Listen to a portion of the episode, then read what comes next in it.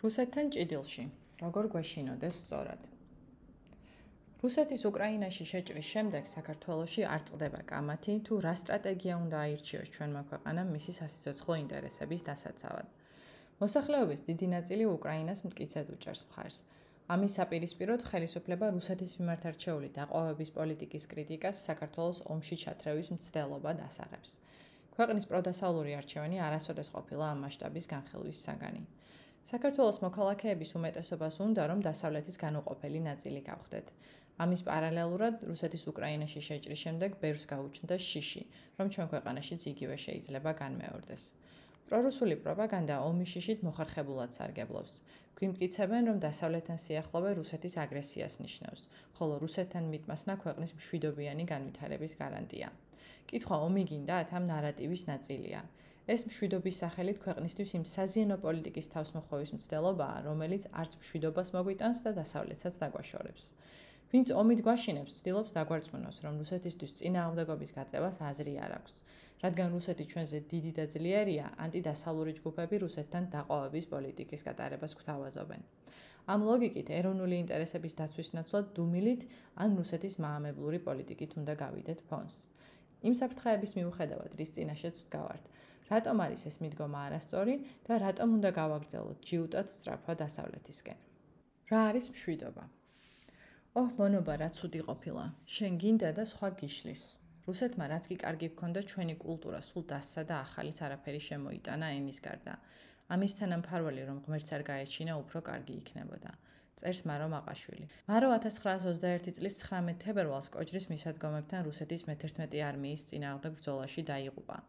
დამოუკიდებლობის დასაცავად მოწყალების და მოხალისედ წასული 19 წლის მაროს გარდაცვალებიდან 100 წელზე მეტი გავიდა.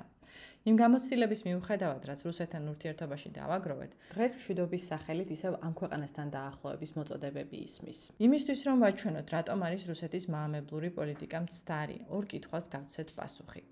რა არის მშვიდობა და დღევანდელ გეოპოლიტიკურ რეალობაში რას ნიშნავს მისი მხარდაჭერა საქართველოში. ნეტარი ავგუსტინე ღვთის ქალაქში მშვიდობას სამართლიანობაზე დაფუძნებულ წესრიგად წარმოგვიჩენს და მოწესრიგებულ სიწყნარეს უწოდებს. წესრიგი, რომელიც საერთო სიკეთეს არ უზრუნველყოფს და უსამართლობას ეფუძნება, მშვიდობას არ წარმოადგენს. ნეგატიური კონცეფციით მშვიდობა შეგვიძლია დავინახოთ როგორც ომის და ძალადობის არარსებობა.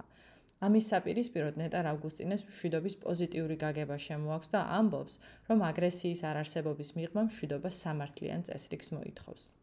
21 საუკუნეში მოწესრიგებული მშვიდობა ადამიანის უფლებების დაცვას, მოქალაქეების საჯარო ცხოვრებაში მონაწილეობას და თანხმობაზე დაფუძნებულ მართლობას გულისხმობს. ამერიკელი კათოლიკე თეოლოგი და საჯარო ინტელექტუალი ჯორჯ ვაიგელი ამბობს, რომ ამგვარი მშვიდობა შემთხვევითი არ არის და მორალური პასუხისგებლობით მუდმივ მოქმედებას საჭიროებს. ვაიგელისთვის წმინდა ავგუსტინეს მოწესრიგებული მშვიდობა დემოკრატიებში გვხდება და მის შენარჩუნებას განუწყვეტლივ შრომა სჭირდება. უკრაინა დღეს სამართლიანობაზე დაფუძნებული წესრიგისთვის იბრძვის. შვიდობა მხოლოდ ომის არ ქონა რომ იყოს უკრაინას ამგვარი მშვიდობისგან სულ ერთი ნაბიჯი აშორებს. საკვარისია რუსეთის მოთხოვნებს დათანხმდეს და სუვერენიტეტი დათმოს, რომ საარტილერიო დაბომბვის ხმა შეწყდება და ქვეყანაში გარკვეული წესრიგი დაისადგურებს. ცხადია, რომ უკრაინაში ამგვარი წესრიგისთვის არავის სურს ბრძოლის შეწყვეტა. არც საქართველოა თანახმა რუსეთის უსამართლო წესრიგზე. მოსახლეობის დიდ ნაწილს არ სურს ომის შიშით მორჩილებაში იყოს. სამართლიანი წესრიგის პირობებში საქართველოს უფლება აქვს გარეძალის შაურელად მართოს ქვეყანა. აირჩიოს ალიანსები და ქვეყნის ბედი თავად გადაწყვიტოს. დღეს საქართველოში მშვიდობა დემოკრატიული განვითარება და ეკონომიკური წინსვლაა. მშვიდობა ის მომავალია, რომელშიც აგრესიული მეზობლის ჩაურევლად ვითარდებით. ისინი, ვინც რუსეთთან დაყოვების პოლიტიკას გვთავაზობენ, სამართლიანობაზე დაფუძნებულ მშვიდობას არ ემხრობიან. ამ ჯგუფს სურს ომის შიშით მშვიდობის ნაცვლად სტაბილურობა მოგვახვიოს თავს. ეს ის სტაბილურობაა, რომელმაც წითელი არმიის მიერ საქართველოს დაპყრობის შემდეგ დაისადგურა. მას წინ თავისუფლების დაკარგვა და ქვეყნის კრიტიკულად განწყობილი მოსახლეობის დიდი ნაწილის დახვრეტა ან გადასახლება უძღოდა. ამ სტაბილურ სტაგნაციაში გავატარეთ 70 წელი. რუსეთის მაამებლური პოლიტიკის შემოთავაზებით დღესაც ამ სტაგნაციის არჩევისკენ გვიბიძგებენ. არისტოტელეს სიმამაცე და საქართველო. ოქროს შუალედის დოქტრინა. არისტოტელესთვის სიმამაცე სიმხდალესა და თავზეხელაღებულობას შორის ოქროს შუალედის პოვნაა. მისთვის სიმამაცე მანკიერებაში გადადის, როდესაც ან ზედმეტად ვირჯებით, ან უმოქმედობით გვაკლდება ძალისხმევა. ზედმეტი თავდაჯერებულობა დაუდევრობაა, მეტის მეტი სიფრთხილე კი სიმხდალე. არისტოტელესთვის სიმამაცე არც ერთია და არც მეორე, რადგან სწორედ მოქმედებისთვის იდეალური ბალანსის დაჭერაა საჭირო. არისტოტელე მიიჩნევს, რომ გადამეტებული სიმამაცე არ არსებობს, რადგან ზედმეტის სითამამე დაუდევრობა ხდება, ისევე როგორც წრეგადასული წინდახედულობა სიმხდალე. სიმამაცე შესაძლებლობების ფარგლებში მაქსიმუმის გაკეთებას ნიშნავს. მაგალითად, თუ ყაჩაღობას შეესწარით და იცით, რომ თავდასხმას საკუთარი ძალებით ვერ გაუმკლავდებით, არჩევანის წინაშე დგებით. შეგიძლიათ გაიქცეთ, ან პოლიციაში დარეკოთ და განგაში ატეხოთ. თუ იცით, რომ თავდასხმას პირდაპირ შერკინებით ვერ შეაჩერებთ, მასთან დაპირისპირება დაუდევრობა იქნება, მაგრამ არაფრის გაკეთება სიმხდალე. არისტოტელეს ოქროს შუალედი პრაქტიკულ ვითარებაზეა დამოკიდებული. სიმხდალესა და დაუდერობას შორის სწორი ბალანსი სიტუაციიდან და შესაძლებლობებიდან გამომდინარე დგინდება. არისტოტელე არ განმარტავს თუ რა წარმოადგენს მამაცქმედებას. ის სიმამაცის ბუნებას განსაზღვრავს, მაგრამ არ გვთავაზობს გადაწყვეტილების მიღების წესს. მისი აზრით, ოქროს შუალედის საპოვნელი უნარების შესაძენად ადამიანმა შესაბამისი ჩვევები თავად უნდა გამოიმუშაოს და ზომიერება ცხოვრების წესად გაიხადოს. რაციონალური კვლევით და გააზრებით ადამიანი დროთა განმავლობაში პრაქტიკულ სიბრძნეს აგროვებს. ეს ადამიანს სწორი არჩევანის გაკეთების შესაძლებლობას აძლევს. არისტოტელე მამაცად მოქმედების კონტექსტში არჩევანსა და ქმედებასაც აფასებს. მისთვის მნიშვნელოვანია რას ირჩევს ადამიანი, რატომ აკეთებს ამ არჩევანს, როგორ მოქმედებს ის და რატომ მოქმედებს ასე. მაგალითად, თუ მხოლოდ იმიტომ ამბობ სიმართლეს, რომ სიცრუის გამოაშკარავების გეშინია, სწორი ქმედება ღირებულებას კარგავს. აუცილებელია მიზანი, რომელიც გამოძრავებს და ნაბიჯებს, რომლებსაც ამიზნის მისაღწევად დგამს, სწორ მორალურ საფუძველს ემყარებოდეს. არისტოტელეს ლოგიკას თუ მიყვებით, რუსეთთან ურთიერთობაში რა არის ოქროს შუალედი საქართველოსთვის? გადარჩენის და მიზნის მიღწევის შანსი.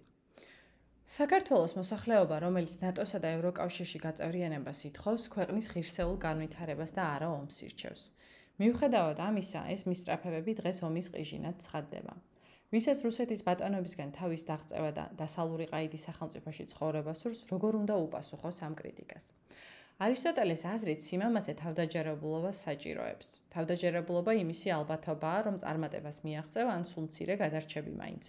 არისტოტელეს ხედვით ვითარება, სადაც არც გადარჩენის შანსი გაქვს და არც წარმატების უიმედოა და აქ სიმამაცით ვერ იმოქმედებ. მიუხედავად ამისა, თუ თავგანწირვა სწორი მიზანი აქვს, ის გამართლებული და აუცილებელია. მაგალითად, თუ მცირერიცხოვანი ჯარი ბევრად დიდ მოწინააღმდეგეს უპირისპირდება და ამით მტრის წინსვლის შენელება სურს, ეს გამარჯვების შანსის არ ქონის შემთხვევაში სიმამაცის ცხადი მაგალითია. მცირე სახელმწიფოების ტერიტორიული თავდაცვის სისტემა ხშირად სწორედ ამ ლოგიკაზეა აგებული. რეგულარული არმია მოწინააღმდეგეს დროებით აკავებს, რითაც ტერიტორიული თავდაცვის ძალებს მობილიზების საშუალებას აძლევს. ასევე, წნეხის ქვეშ გაუტეხელობა სხვებისთვის მაგალითია, რომ სწორი მიზნისთვის ბრძოლა განაგრძონ. რუსეთის უკრაინაში შეჭრის შემდეგ უკრაინის პრეზიდენტის ვოლოდიმირ ზელენსკის სიტყვებამ ბევრი აღაფრთოვანა.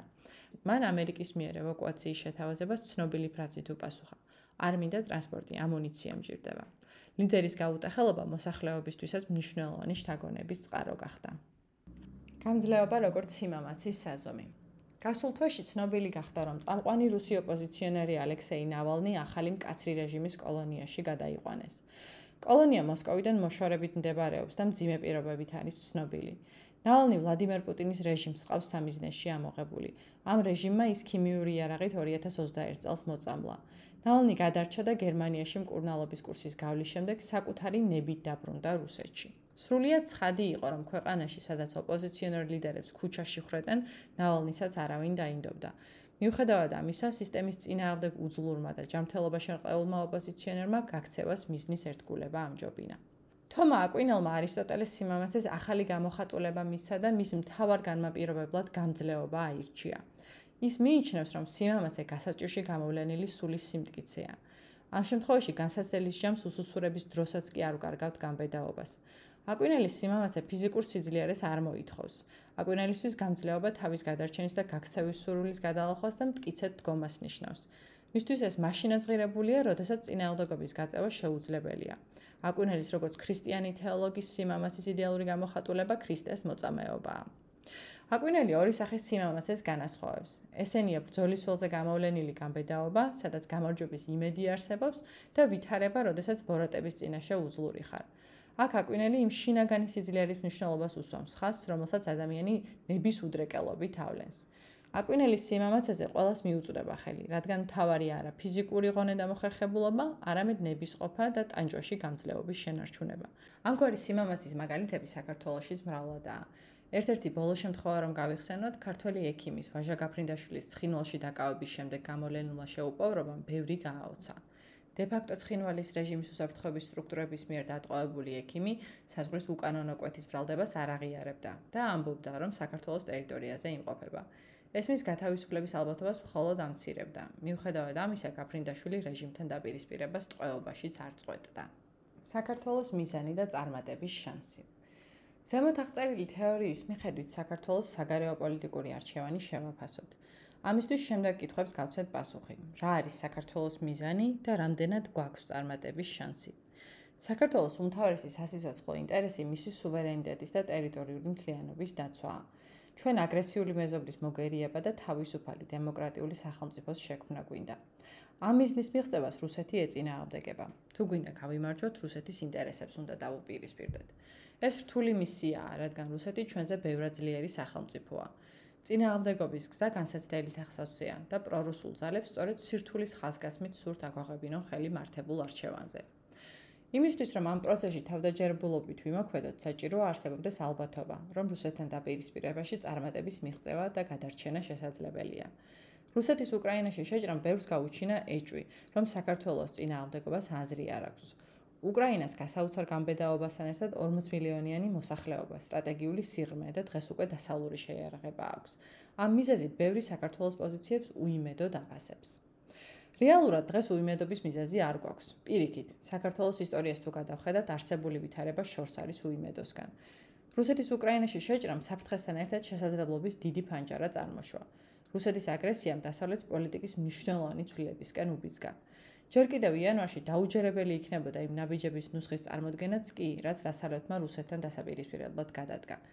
მათ შორის არის ამერიკაში მიღებული ლენდლიზის კანონი, რუსეთზე დაწესებული ახალი სანქციები, ევროპაში რუსული ნავთობისა და გაზის ექსპორტზე შეზღუდვების დაწესების პროცესი, ფინეთის და შვედეთის ნატოში გაწევრიანება, ჩრდილოეთის ნაკადის გასადენის შეჩერება, გერმანიის თავდაცვის ხარჯების ზრდა და უკრაინის, საქართველოს და მოლდოვას ევროკავშირში კანდიდატის სტატუსით მიღების განხილვაც კი. დასავლეთის ამგვარი შემოbrunება მოწმობს, რომ თუ დასავლეთთან ინტეგრაციის პროცესი ჯიუტად განვაგრძობთ, იმაზე ბევრად დიდი მხარდაჭერის მიღება შეგვიძლია, ვიდრე სულ რაღაც 1 წლის წინ წარმოგვედგინა. ეს დახმარება მოიცავს როგორც ჩვენი თავდაცვის უნარიანობის გაძლიერებას, ისე დიპლომატიურ მხარდაჭერას და ორმხრივ თანამშრომლობას ევროპის იმ სახელმწიფოებთან, რომელთაც ჩვენ უსაფრთხოებაში რესურსის ჩადება შეუძლიათ. შიში თომა აკვინელი ამბობს, რომ შიშს სიყვარული აღძრავს. რადგან ადამიანებისთვის სიცოცხლე ყველაზე ძვირფასია, დიდი საფრთხის წინაშე შიშს მხოლოდ სიცოცხლეზე უფრო ძვირფასი სიყვარული გვაძლევინებს. სიმამაცეს ხშირად შიშის უქონლობასთან აიგივებენ. ამის საპირისპიროდ არისტოტელე მიიჩნევს, რომ შიში სიმამაცის განუყოფელი ნაწილია. თუ შიშს არ განიცდი, ქმედება რისკთან არ არის დაკავშირებული და არც გამბედაობას საჭიროებს.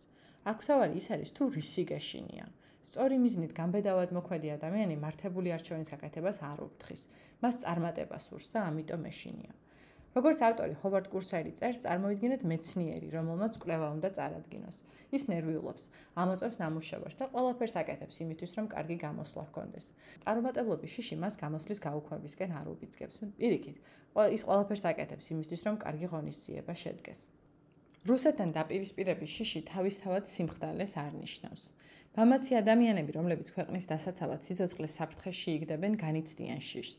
არისტოტელე მიიჩნევს, რომ შიშინ სიმხდალეა, როდესაც ის საზიანო ქმედების ჩადენის სურვილს აღგიძრავს.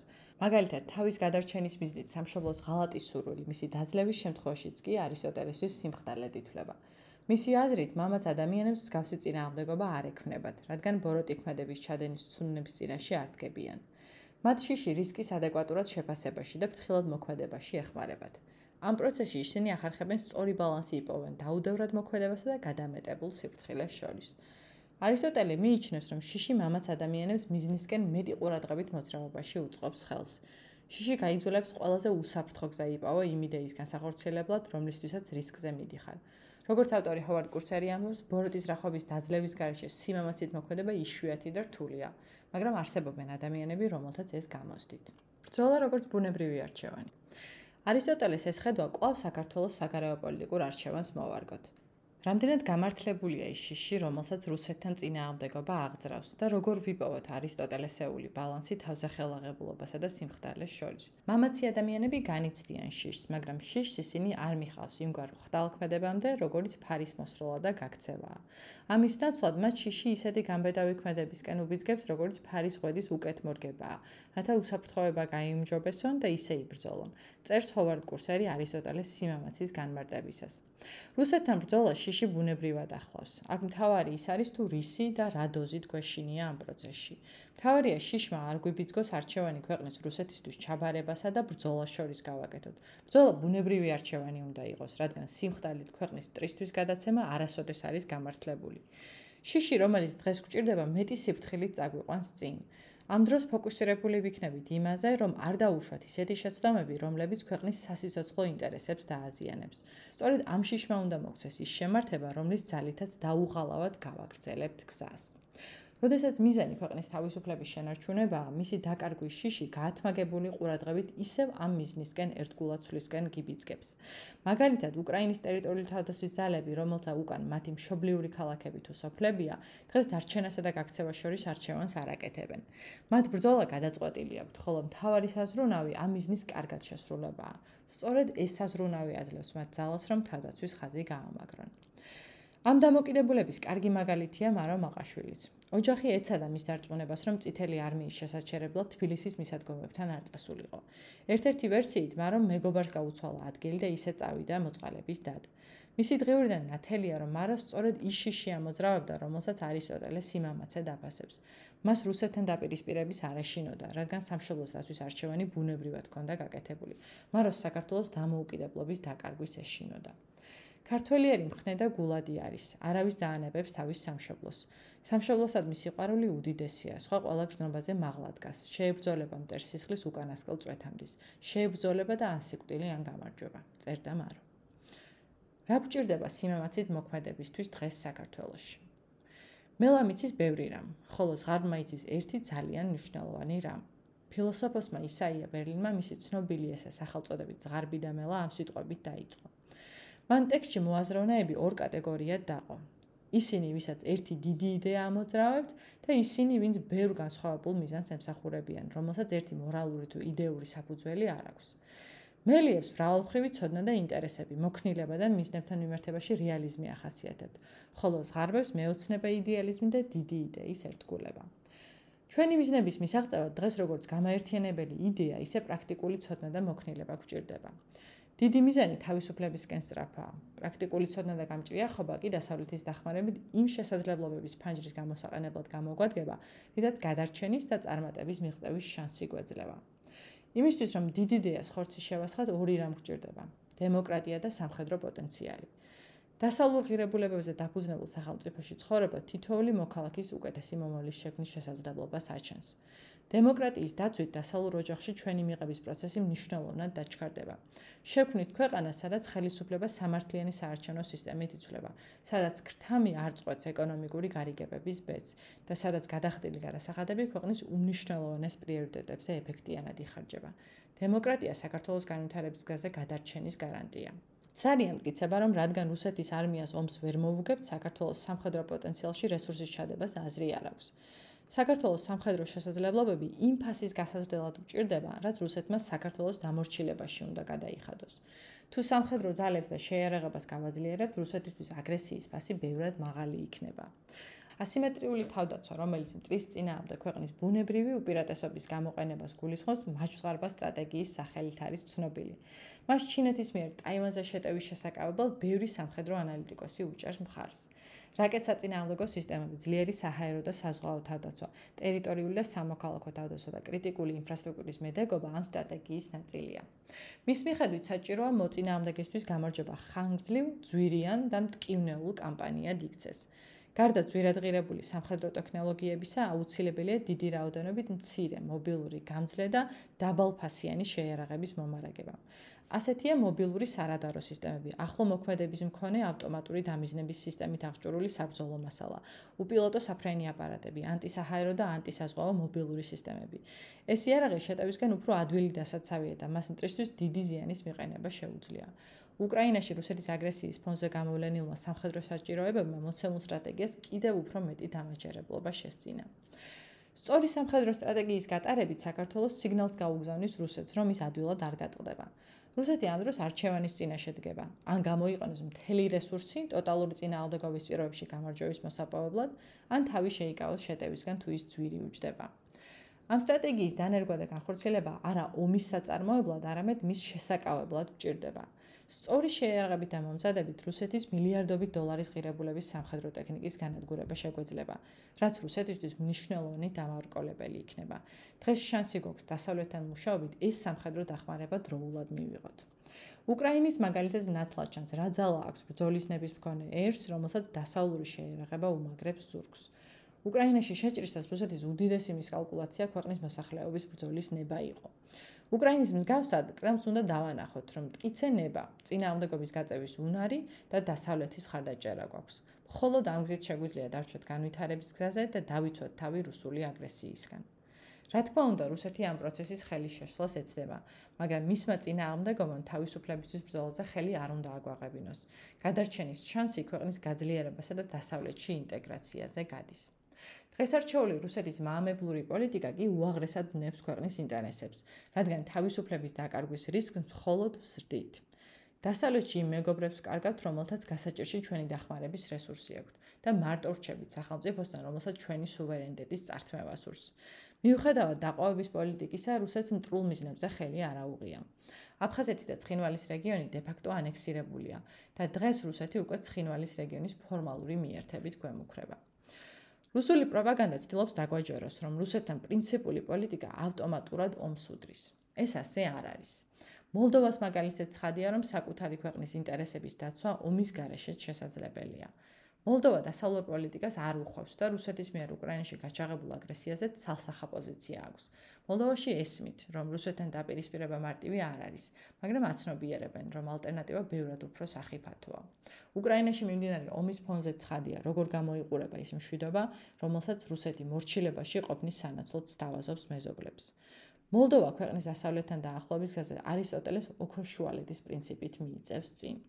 პრაქტიკული სიბრძნე, რომელიც რუსეთთან ურთიერთობაში 200 წლის მანძილზე დავაგროვეთ, ცხადად მიანიშნებს, რომ უმოქმედება იმ იმედით, რომ ქარიშხალი გადაივლის, ცრუმოლოდინია და მხოლოდ სიმხდალის გამოხატულებაა. სიმამაცე დღეს აქტიურ ქმედებებზე გადის. საქართველოს თადოცვის უნარიანობის გაძლიერება და დემოკრატიის მშენებლობა ის გამბედავი ნაბიჯებია, რომლებიც რუსეთთან დასაპირისპირებლად გვჭირდება. ბოლოთქმის მაგიერი ბრიტანეთის ყოფილი მთავარი რაბინი სერ ჯონათან საქსი მისი მოღვაწეობის მანძილზე ოპტიმიზმსა და იმედს განასხვავებდა. ოპტიმიზმი რწმენაა, რომ ყველაფერი უკეთ იქნება. იმედი კი რწმენაა, რომ ჩვენ თავად შეგვიძლია ყველაფრის გაუმჯობესება. ოპტიმისტობა სიმამაცეს არ მოითხოვს. მისთვის გარკვეული დოზით გულურყველობაც საკმარისია. იმედის შენარჩუნებას კი გამბედაობა სჭირდება, ამბობდა ის. მას მიწათმოქმედის მაგალითი მოყავდა, რომელმაც ჯერ მიწა დაამუშავა, მოსავალი დათესა და მხოლოდ მაქსიმუმის გაღების შემდეგ ახედა წასწვიმის მოლოდინში. იმედი და არა ოპტიმიზმი გვაძლიერებს საიმისოდ, რომ გავრისკოთ, ვალდებულებები ავიღოთ, სიყვარული გავცეთ, ახალი სიცოცხლე მოვალინოთ სამყაროში, ნუ გეშივცეთ დავრდომილებს, წაქცეული ფეხზე წამოვაყენოთ, დიდ საქმეებს მოვკიდოთ ხელი და ჩვენი იდეალების ერთგული ვიყოთ. წერდა ის. საქართველოსი ომი არავის უნდა. გრევა, დევნილობა და ომშეწირული მოსახლეობა ის მძიმე ტრაგედიაა, რომელიც ქვეყანამ 2014 წლის ყირიმის ანექსიამდე რუსეთის აგრესიის შედეგად თავის თავზე გამოსცადა. სწორედ ამ ბოროტებისგან თავის დასაღწევად უნდა ვიყოთ გამბედავები და ვიბრძოლოთ სამართლიან წესრიგზე დაფუძნებული მშვიდობისთვის. ეს არც ცარიელი მშვიდობა და არც თავისუფლების ჩახშობის შემდეგ დამდგარი სტაბილურობა. ჩვენ გვინდა რომ ჩვენი თავი ჩვენადვე გვეყუდნეს. ამიტომ უნდა გვეშინოდეს უმოქმედობის. იქნება სხვები ამას არ ხედავენ, მაგრამ მე ისეთი გრძნობა მაქვს, რომ სრულად ეღირსება ამ ბეჭავს ერთ თავისუფლება. მაშინ იქნება აუწერელი ბედნიერება. ყოველი ადამიანი მას ახტაცებით მიეგებება როგორც მშობელს. მაშინ მზეც მხიარულად გაანათებს და გაათბობს არეს და მთვარეც გაანათებს ძველ ყოლს, რომელიც სიმართლისკენ მიდის. მარო მაყაშვილი